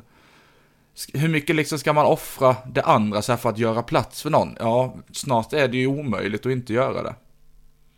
Ja, jag tycker mer så här, du vet, med tanke på att han ändå liksom känns... Han känns, nu utan att ha några siffror på det här överhuvudtaget, så känns det som han gör ju mål en på tre liksom. Om inte, om Mm, inte, han gör ju om inte framförallt ännu mål- mer. Och då tycker jag så här, fan låt han få 70-80 minuter och komma till avslut istället för 30 varje gång. Han gör ju mål var hundrade minut eller något sånt nu tror jag det. Nu droppade ju lite nu igen eftersom han gjorde ett mål på 45 minuter.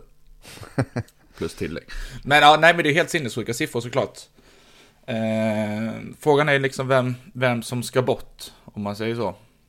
Om man inte tummar på den här nya fembackslinjen då så då är det väl, ja, är det Hammar eller är det liksom Nalic eller är det Rabi? Jag vet inte. Men så här då, för mig som inte ser, som inte ser Hammarby varje vecka lika noga som du gör.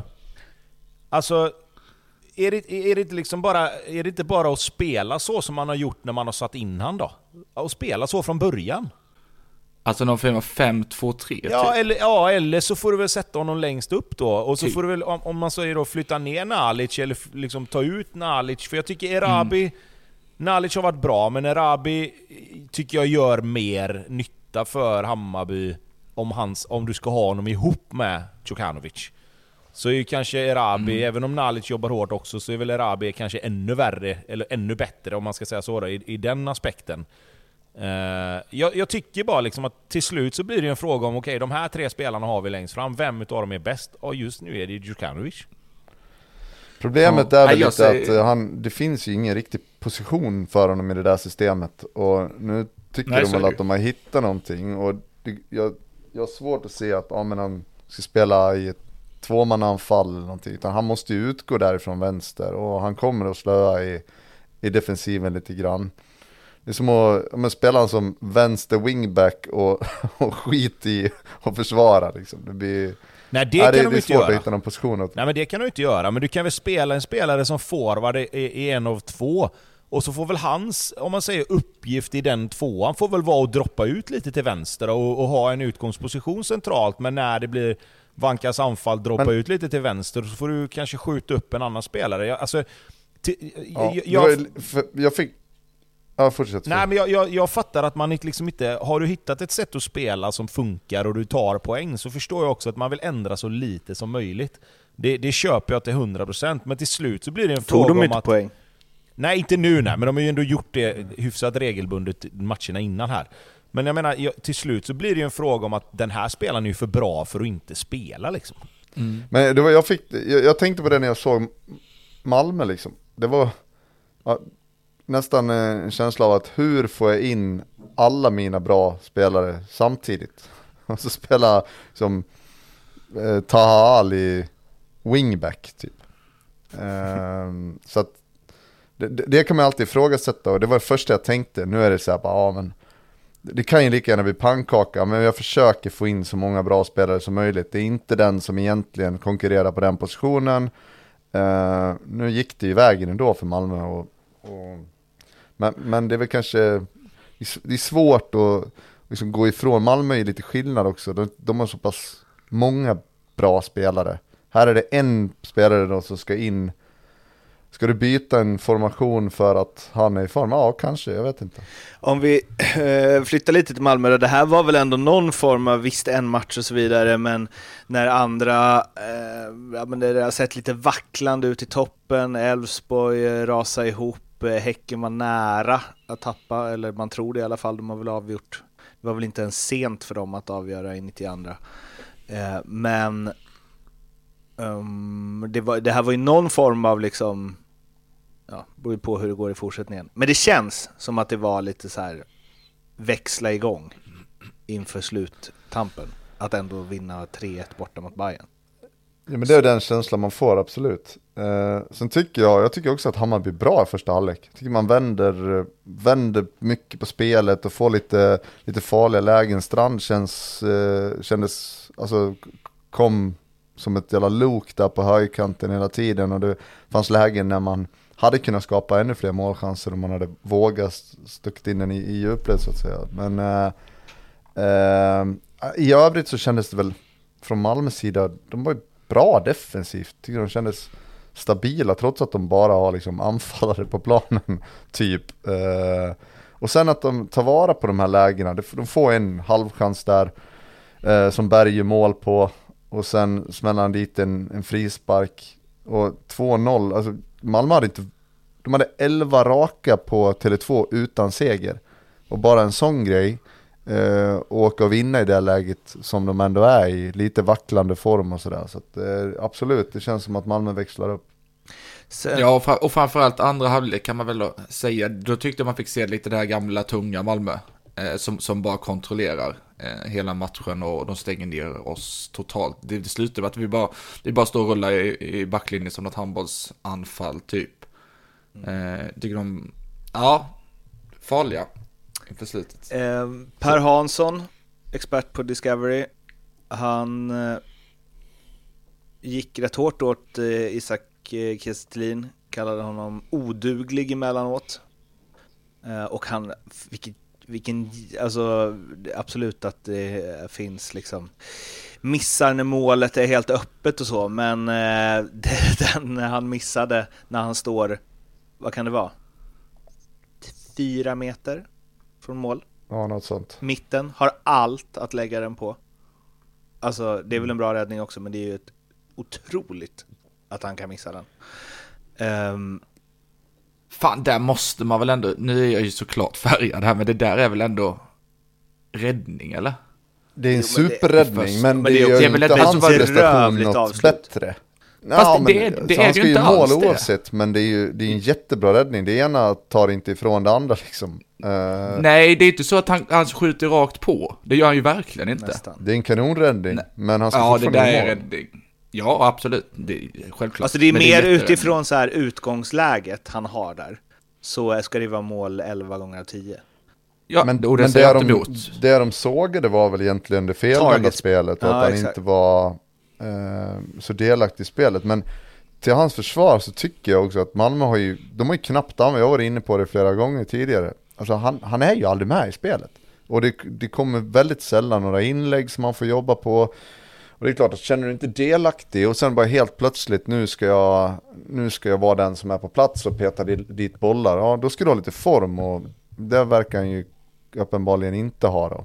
Uh, men sen också i det här felvända spelet, det kommer, det, det finns ju olika bollar eh, att slå upp på en targetspelare. När, när han hamnar helt solo mot två mittbackar som får jobba stenhårt mot dessutom ganska höga bollar eh, jag tycker det är orättvist att han ska få skit för det. För att du vill ju ändå, okej okay, du tar kampen, bollen trillar ner någonstans och så förhoppningsvis så vinner vi en andra boll. Men de flesta bollarna kommer ju när Malmö försöker att sköta ett uppspel nerifrån och sen känner man att ah, nu hamnar vi lite pressade. Och så står han helt solo där framme. Han har säkert kunnat fått ner någon, någon mer och, och jag säger inte att han har gjort det bra men, men det blir lite orättvist också i den när han är så solo och vad det är för typ av ballongbollar som kommer. Um, sen så skytteligaledning kanske ursäktar ett och annat. Eller vad, eller? Ja.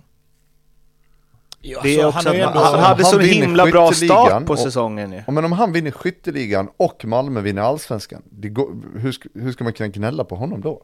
Nej, nej, han har ju fortfarande spelat in de poängen han har gjort till Malmö. Sen klart att det kanske är, om man säger så här att han kanske behöver höja sin lägsta nivå i, i matcherna då, och se till att liksom verkligen sätta de här grejerna, även om inte han är med i spelet så mycket, att han verkligen försöker sätta de grejerna han är inblandad i.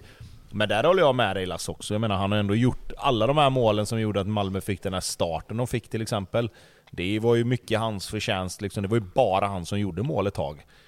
Eh, och sen så lite grann ändå nu under den perioden här nu där han har gjort lite mål innan de här senaste matcherna, så de har han också spelat in lite poäng till Malmö liksom.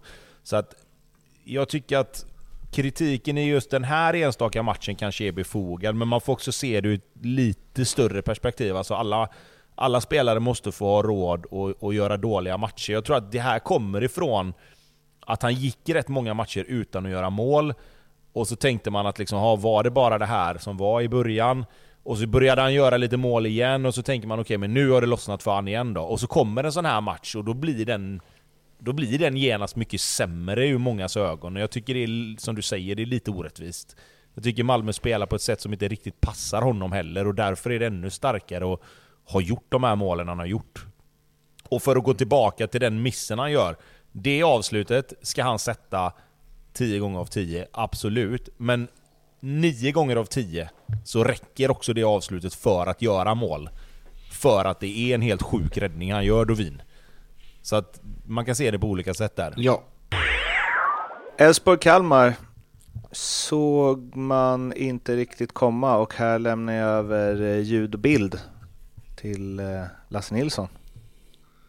Ja, det är som vanligt inte jag säga. Vad har ni aldrig något att säga om Elfsborg? Det är ja, som framför, att de, kolla, de, de räknas inte. Framförallt nu är man mer nyfiken på vad du har att säga än vad vi har att säga. um, ja. Lutar vi oss tillbaka, grabbar? Det är nu den här halvtimmen kommer. För en gång skulle inte du Tobbe. jag tyckte att Elfsborg började som man hade förväntat. Jag tycker att de, de ser faktiskt ganska bra ut och, och får bra bett i sin press och jag tycker att de skrapar fram lite så här halvlägen. Eh, Hedlund känns pigg fortsatt. Eh, men eh, ja, det, det, är tydligt också hur Kalmar eh, som, som andra lag har, har läst Elfsborg lite grann och man ligger hellre lite lägre. Man vill inte, man vill liksom inte tappa boll på fel ställen. Ehm, um, 1-0 målet när det kommer så, så händer det ju någonting med Elfsborg och, och det blir något sorts haveri. Men eh, ja, eh, det, det, är helt klart så att den här omsättningen på spelare har gjort Eh, att Elfsborg eh, inte är riktigt samma lag som, som man var innan, innan uppehållet. Eh, känns lite osäkert, nu kommer Ibrahim Boari in där och han gör ju kanske, eh, ja, ja, definitivt sin sämsta halvlek i allsvenskan men också det är svårt att se att det är många mittbackar som har gjort en sämre halvlek. Det blir ju otroligt osäkert, slår bort väldigt mycket passningar, gör att Kalmar får energi, man får ställa om på Elfsborg som, ja man, man anfaller liksom på, på Elfsborgs maner. Um, och dessutom då kanske en tveksam retur på 1-0 målet och sen, sen ska man liksom jobba lite uppförsbacke.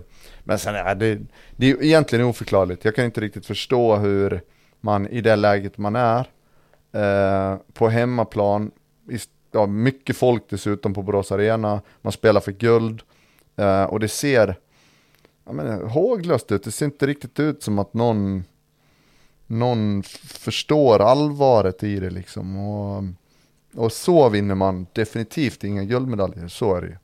Men jag, jag, tycker liksom, det känns lite, alltså känslan när man tittade på de minuterna från, alltså mellan 01 till 03. Det är lite som, nu blir det en smal referens för de som inte kanske har spelat fotboll, men det känns som du vet när du spelar 5 mot 5 på träning och det ena laget gör ett mål och du hamnar så jävla snett så det bara rasslar in. Målvakten bara rullar ut bollen och så är det en passning och så blir det mål igen.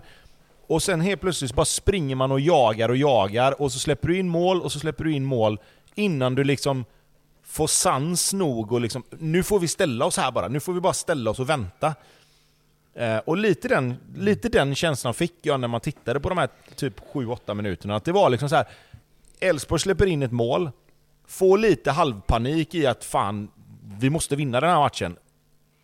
Och så är det åtta minuter där man bara plockar bort hjärnan från alla spelarna. Och så är det bara ett gäng höns som springer runt och, och, och bara liksom springer fotboll istället för att tänka fotboll. Liksom. Och normalt sett så kan, du, ja, men normalt sett kan du komma undan med det. För att det andra laget kanske inte straffar dem på det sättet som blir. Men här blir det liksom... Här säger det bara pang, pang. Och så är matchen inte körd, men mer eller mindre. Men det var, Elfsborg är en otroligt tydlig spelfilosofi. Man pratar också om, ofta i, om balans i fotboll. Och de har inte behövt haft balans i sitt uppbyggnadsspel. För att man vet att ja, men vi kommer försöka göra si eller så, och sen kanske det kommer en, en lite längre attackboll, eh, eller så trär vi in den på den spelaren och så vidare. Eh, I det här fallet så, så man försöker göra samma sak, som jag ser det i alla fall. Eh, men Hummet stänger av eh, Sebastian Holmén, så han får knappt vara med i, i uppspelsfasen, han får falla ner mycket längre. Och de få gånger som han har bollen, även om han är typ 20-30 meter längre ner i banan, så blir det ändå det typen, den typen av spel som man är van att se i Elfsborg. Det kommer en lite längre crossboll, man har överbelastat, man vinner bollen där och så etablerar man anfall och blir alltså relativt farliga. Men problemet var ju när Bohari hade bollen, då förväntar sig alla andra spelare att ungefär samma sak ska ske. Men han gav bort bollen alltså jag vet inte hur många gånger, eh, där Kalmar bara ligger och väntar på att ja, men vi ska ställa om på Elfsborg. Så att eh, i det här fallet så tycker jag mer att det var kanske då några individuella misstag som gör att det, att det liksom blir en sån jävla osäkerhet i det. Eh, och man är inte riktigt beredd på, man, man knappt tappar bollen i de situationerna någon gång under året. Och nu gör man det flera gånger i första halvlek och det, dessutom är Kalmar jävligt effektiva. Och får du 1-0 och så får du 2-0 och sen helt plötsligt står det 3-0. Vad fan hände liksom? Uh, är, det, men, är det här något som kan här sätta av, alltså följa med?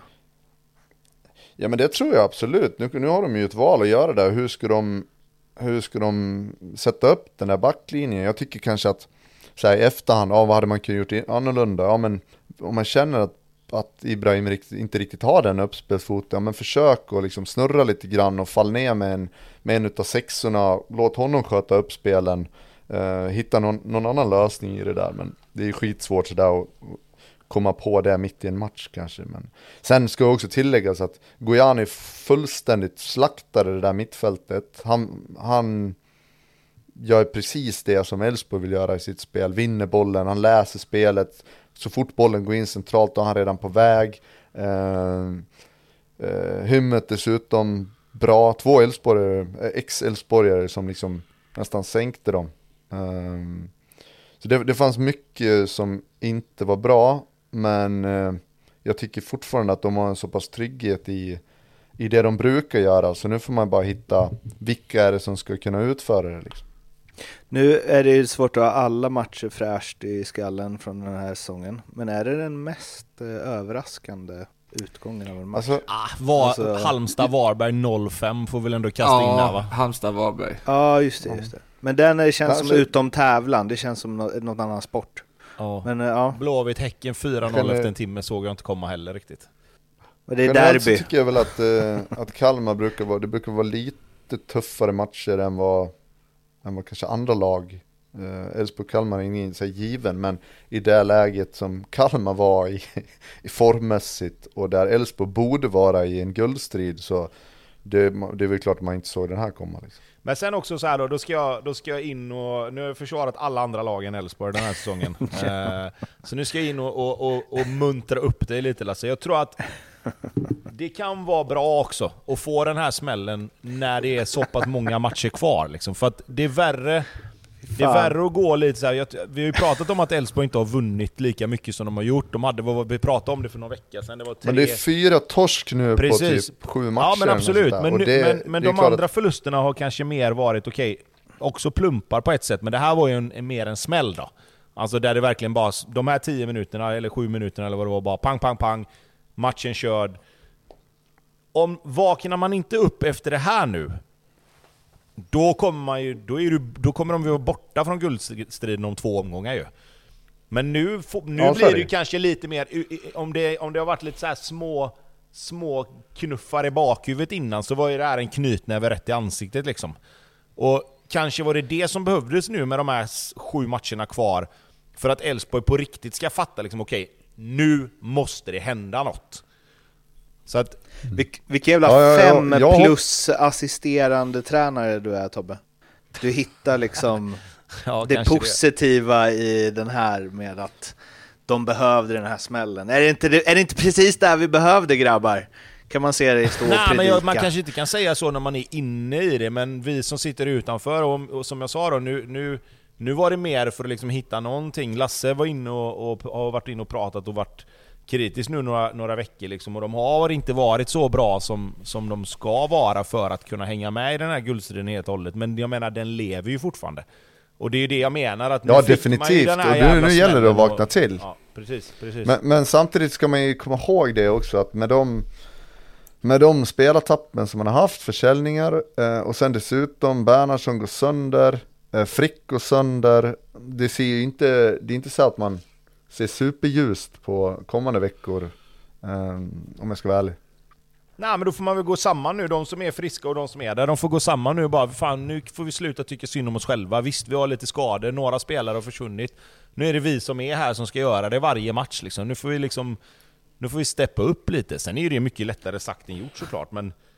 Det, det är liksom... Fan, Blom, Det är man lite blir du inte sugen- De, de har ändå, alltså det står 3-0 visserligen, men sen får de två stycken rätt så bra möjligheter. Både Hedlund och Johan Larsson har varsin chans. Visst, det var en svår nick som, som Larsson försöker ge sig på, men Hedlund har ju en, en superchans. Och hade han gjort mål där, dels för hans egen skull, men också att komma ut i andra halvlek på Borås Arena med två måls skillnad. Fått, jag tror att det kunde vara lite, lite skillnad, så man behöver få någon där framme lite mer i form nu också. Jag tycker de får jobba lite för hårt för, för målen.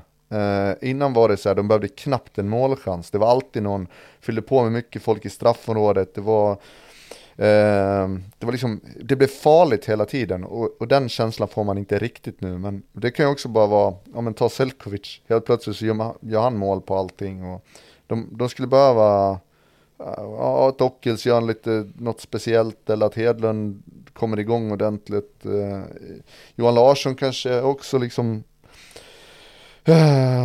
Fan vad du inte tror på det här Lasse. Jo, men jag, det känns bara så jävla sjukt att säga att en högerback ska Ja, behöva vara den som kliver fram och gör mål. Ja. Liksom. Så jag kände det när jag började mitt resonemang. Det kan man fan inte kräva. Men det kanske är så. Det kanske är han som behöver göra det. Liksom. Ja, jag ska kasta in en grej till här nu som ska muntra upp det lite Lasse. Jag tror det kan vara bra för Elfsborg också samtidigt att slippa det här att de är de som är jagade hela tiden. Nu, nu kommer det matcher på löpande band här där de liksom såhär bara ah, nej men nu, nu tappar Elfsborg och nu har Elfsborg tappat och nu är de inne i en svacka liksom. Nu, är det, nu börjar det bli kört och du sitter här och letar efter positiva saker och någon som ska göra det. Jag tror det kan vara bra för dem.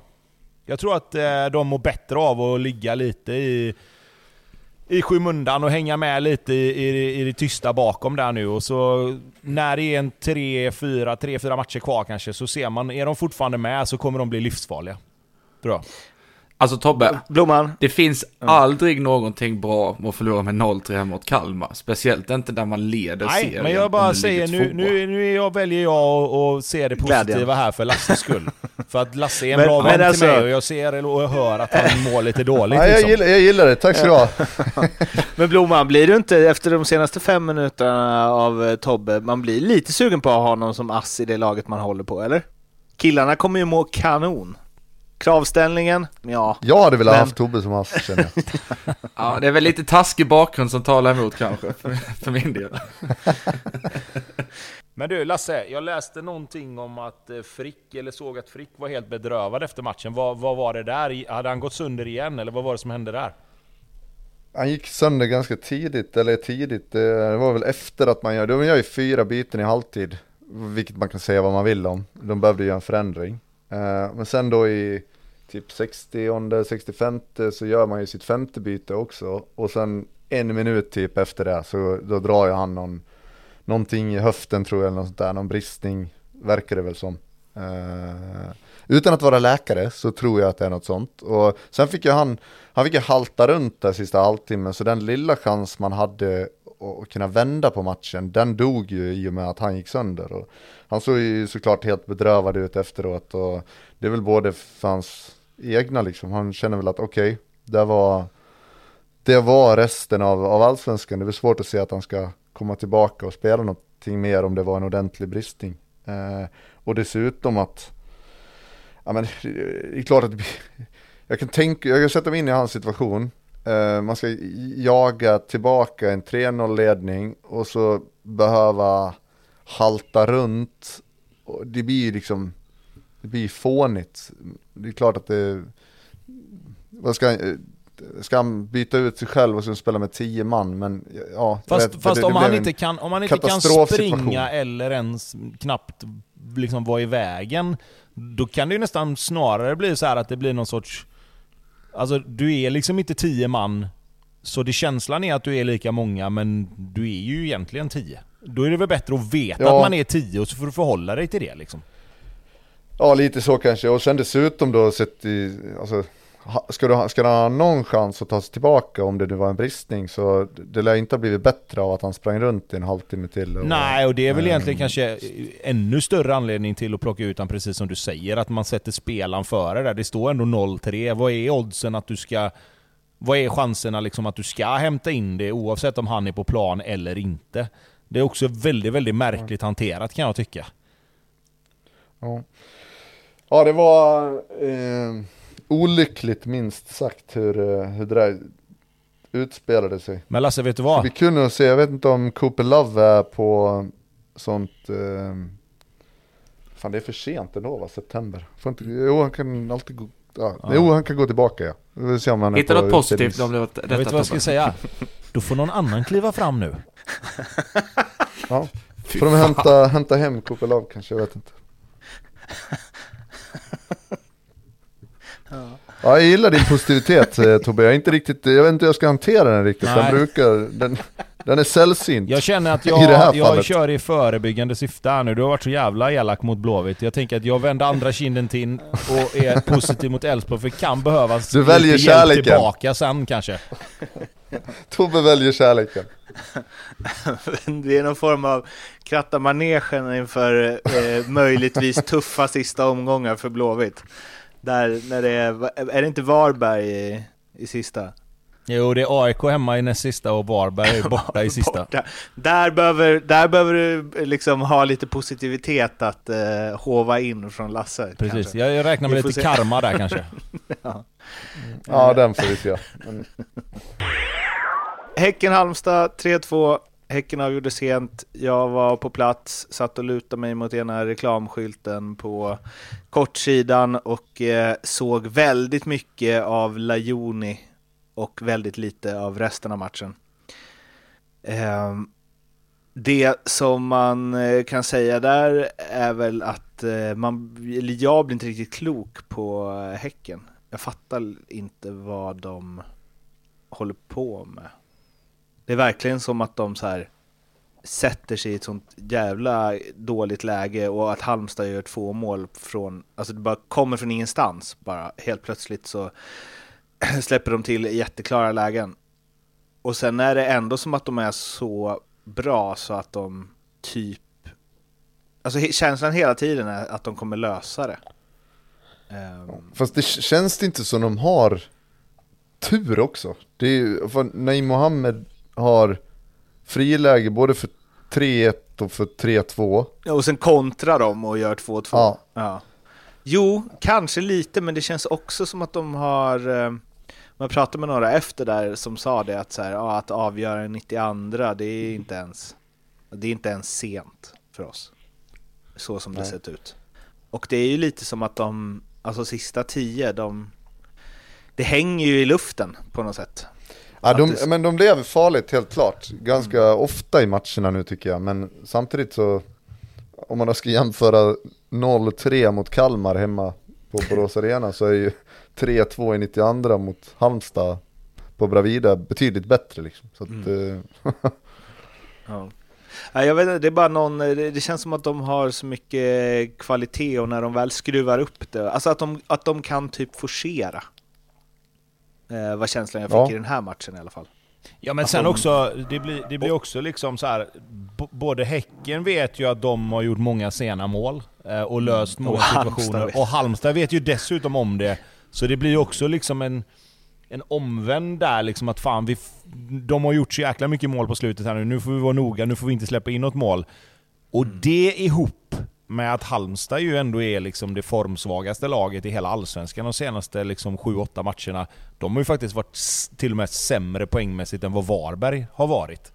Mm. Eh, det, det gör ju också att, vi har ju pratat om det förut, att till slut så blir det ingen slump när de bra lagen löser sådana här situationer mot de dåliga lagen. Eh, och, Fan vad det måste vara en eh, känsla ändå. Att ja, veta jo, det är klart vi gör ofta mål 90 plus. Jo men så är det ju. Och, och lika väl såklart så är det tvärtom. Alltså, det, det, blir, det blir lite exakt, inte exakt samma, men det blir lite samma sak som om du vet att du är dålig på fasta situationer och har släppt in mycket mål. Då tänker du på det varje gång det kommer en frispark, varje gång det kommer en hörna emot. Och det är klart att då, då, då, slutar man lite grann liksom, då slutar du lite grann att tänka ut efter okej, okay, hur, hur ska vi försvara? Utan man, nu är det bara, jag, jag får inte tappa min gubbe, jag får inte tappa min gubbe, och så blir det precis det du gör. Så. Så, jag la märke till det, eh, det, det var bara en så här notering, när Andreas Johansson på 3-2 målet, bollen har liksom studsat i nätet och kommer tillbaka, han sparkar till den igen. Det är inte en så här, jag är skogstokig spark, utan det är bara, jag visste det fan också. Mm. Alltså det var som att de, han, de hade det på känn liksom, det här kommer gå åt helvete. Ja, och, och jag menar precis som jag sa där, för Halmstad liksom, de, nu, nu blir det samma sak här då. Det är ju sjukt att Halmstad kan bli indragna i det här med liksom. Men förlorar de nästa match och lite resultat går, går liksom mot dem, så är ju de också med där nere helt plötsligt. För nu har de liksom tagit fem poäng de senaste åtta matcherna. Från att ha varit det laget under sommaren som man tänkt så här, fan vad bra de har varit liksom. Och under våren, de slog Häcken, de slog Djurgården. De, ja, liksom, alltså, du vet, det var ingen skräll i och för sig. Ja, fortsätt. Vad, vill du utveckla? Nej men jag tänkte att de slog AIK, men så kom jag på att AIK är dåliga. Men det var ju tid, det var innan man visste att AIK var dåliga. Ja, precis. Ja. Jo, jo. Så, ja. Men eh, i alla fall. Eh, så att de får ju liksom, jag tror inte de behöver passa sig kanske. För de har liksom, visst nu är det bara tre poäng ner till BP och Blåvitt och om inte de är safe så är inte Halmstad safe. Men, men eh, ja, det, fan, det har hänt konstigare grejer under den här säsongen så att det slutar väl med att Halmstad och BP kommer på kval och får, vad heter det, åka ur då. För det är ju det är verkligen en tydlig där. 9-10. Vad sa du nu? Vänta nu, sa du att två lag skulle hamna på kval? Nej, jag sa det slutar väl med att Halmstad och BP åker ut och hamnar på kval. Men, Allt för att Blåvitt ska klara sig, bli två på kval. Men, ja, men, men, det är ju verkligen ett, ty ett tydligt eh, streck där. Ett osynligt tydligt streck efter Värnamo. För Värnamo, Kalmar, Mjällby, Norrköping, alltså där, de kommer ju aldrig bara rasa. Det går ju inte att rasa så mycket. Men nej, från tian nej. och neråt känns det som det kan gå lite hipp som happ. Halmstad har Elfsborg hemma nästa. Sen Djurgården borta. Två rätt tuffa matcher. Ja, eller? Man vet inte vad Elfsborg efter, men det beror ju på om de tar åt sig av eh, Tobbes eh, positivitet. Mm, exakt. Mm. Um, en grej som man bara måste nämna från uh, den Häckelmatchen också som bara var fin. Mitt, mitt finaste allsvenska ögonblick eh, uh, hittills i år. Efter så skrev um, Sonko autografer i en evighet. Uh, så många kids som stod och bara skulle ha hans namn i pannan och eh, massa föräldrar som eh, liksom i panik försökte stoppa det. Det gick väl på några, men det var i alla fall fyra ungar som hade liksom hans autograf stort i pannan. Eh, Ingen autograf för Bergman eller? Ja, han var sugen var jag ju ändå. Det var en, det var en liten kille som hade, han hade hans autograf i, på kepsen, i pannan, på båda armarna. jag vet inte, har något i alla fall. Det kommer, ju, det, kommer ju, det kommer ju han lära sig med tiden att eh, en autograf räcker. ja. Men framförallt när deras eh, kommunikationsansvariga kommer ut och säger eh, Per-Mattias har frågat efter dig nu i fem minuter. Och efter det står han kvar och skriver i fem minuter till. Fint, Men eh, vad menar du med det där förresten Tobbe? Du känns som någon som stod kvar Jag skrev autografer, absolut. Ja, ja. Men jag skrev inte fyra autografer på, på samma snubbe. Det lärde man ju sig till slut, att då kommer du stå där i två timmar och liksom...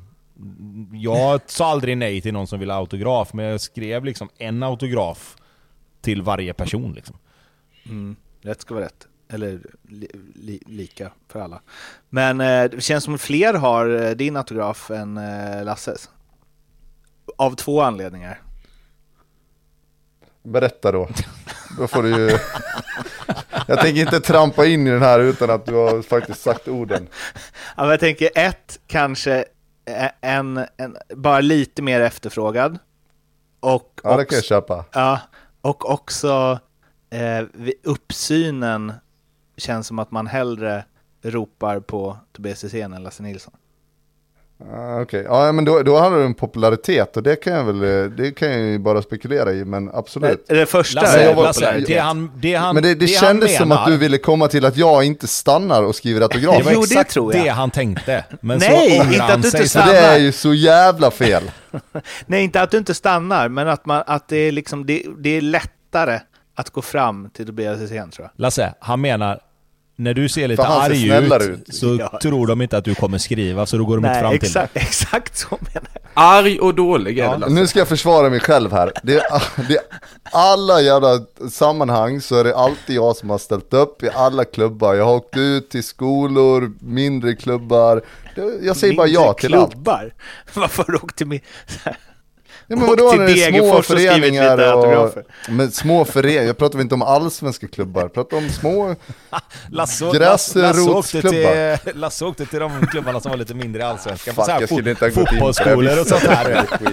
Ja, Du som Björn, Jag skulle bara hållit med. Björn?